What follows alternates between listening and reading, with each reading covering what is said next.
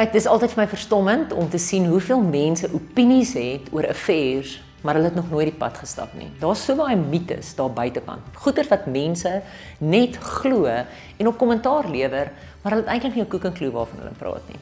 Ek wil vandag 'n bietjie met jou gesels oor die mites versus die feite van 'n affair. En ek het nie al die antwoorde van 'n affair nie, maar ek het al 'n paar stewige paaie in my lewe geloop en ek het al met 'n paar koppels ook hierdie pad gestap. Nie net in my eie huwelik nie, maar ook die opinies en die getuienis van ander mense gehoor. Ek dink die heel eerste mite wat mense altyd glo van affairs is dat 'n affair kan nie gebeur in 'n Christelike huwelik nie. Dit is nie moontlik vir kinders van die Here om hierdie pad te stap nie. Dis die heel eerste leuen wat jy vandag moet weet, is 'n leuen. Want daarso is hoeveel mense daar buite. Mense wat bekend is, mense waarvan ons hoor in ons kerkgange, mense waarvan die skindertonge gehardloop het en is eintlik mense wat die Here gedien het. Dan moet jy verstaan want jy vra dalk die vraag maar hoe is dit moontlik dat kinders van die Here so 'n keuse kon maak? En dan moet ons vandag vir mekaar sê dit wys jou wat is die krag van misleiding. Dit wys jou wat is die krag van wanneer die vyand van jou verbond 'n teken maak. So die mite dat dit nie met 'n Christelike paartjie kan gebeur nie, is presies net dit.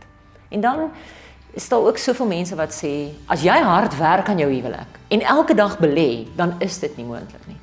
En eintlik is die affair 'n vrug van 'n huwelik wat reeds nie gesond was nie. Dis ongelukkig ook nie waar nie. Ek kan getuig van baie paartjies wat eintlik 'n gesonde verhouding gehad het. Hulle het 'n goeie huwelik, hulle het 'n hulle het 'n goeie sekslewe, hulle het 'n goeie geestelike lewe maar iewers het daar toegang gekom via 'n emosionele koneksie van 'n vriendskap. En hy kom so stadig na jou toe aan dat jy nie eers besef hy kom na jou toe nie. En daarom is dit bring dit my by die derde mite wat ek sê dat ek ek het dit al hoeveel keer gepredik, maar 'n affair gebeur nie net oornag nie. Baie mense glo die mite dat jy kon anders gekies het. Jy moes hierdie ding gesien kom het. Julle die meeste affairs waarvan ek weet, het so stadig gebeur. Regtig waar so stadig dat mense oral oor getuig en sê ek weet nie wanneer dit begin nie. Ek weet nie eintlik hoekom het ek gedoen wat ek gedoen het nie. Nog 'n mite wat mense baie dikwels glo, is dat mense, mans of vrouens wat in 'n affair betrokke raak, het een of ander issue met seks. Daarom moet ons onderskei, daar's soos hoeveel seksuele affairs en daar's emosionele affairs. En daar's 'n wesenlike verskil tussen hierdie twee goed. Alle emosionele affairs word later aan 'n seksuele affair. Maar alle seksuele affairs word nie noodwendig se um, emosioneel nie. En daarom moet ons gaan kyk na die verskillende tipes mense en ons kan dit op 'n volgende keer doen. Die verskillende tipes affairs wat daar bestaan sodat ons net kan klarigheid kry oor maar die one night stand is dit 'n affair. Die feit dat my man of my vrou dan nou 'n um, 'n WhatsApp verhouding gehad met my men is is dit 'n affair. Wat is die verskillende forme van affairs? So die feit is alle affairs begin nie net oornag nie en dit sê nie noodwendig iets van jou karakter nie. Ek weet van ongelooflike mense met ongelooflike karakter wat in hierdie struik getrap het. En dan is daar ook 'n mite wat mense glo van affairs is dat ehm, 'n affair breek 'n huwelik. 'n affair na 'n affair kan daar net nooit herstel wees nie. Jy sal nooit weer op dieselfde manier vertrou nie.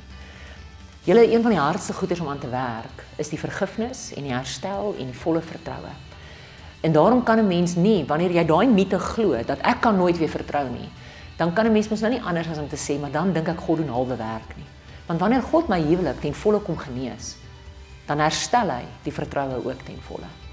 So daar's so baie goeders wat mense glo rondom affairs En ek dink die die vrouens of die mans wat aan die ontvang kan staan wat sê maar my man het rondgeloop.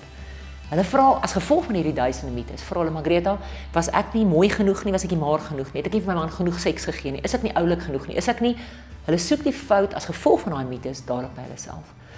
Mense probeer antwoorde te soek omdat hulle in mites glo.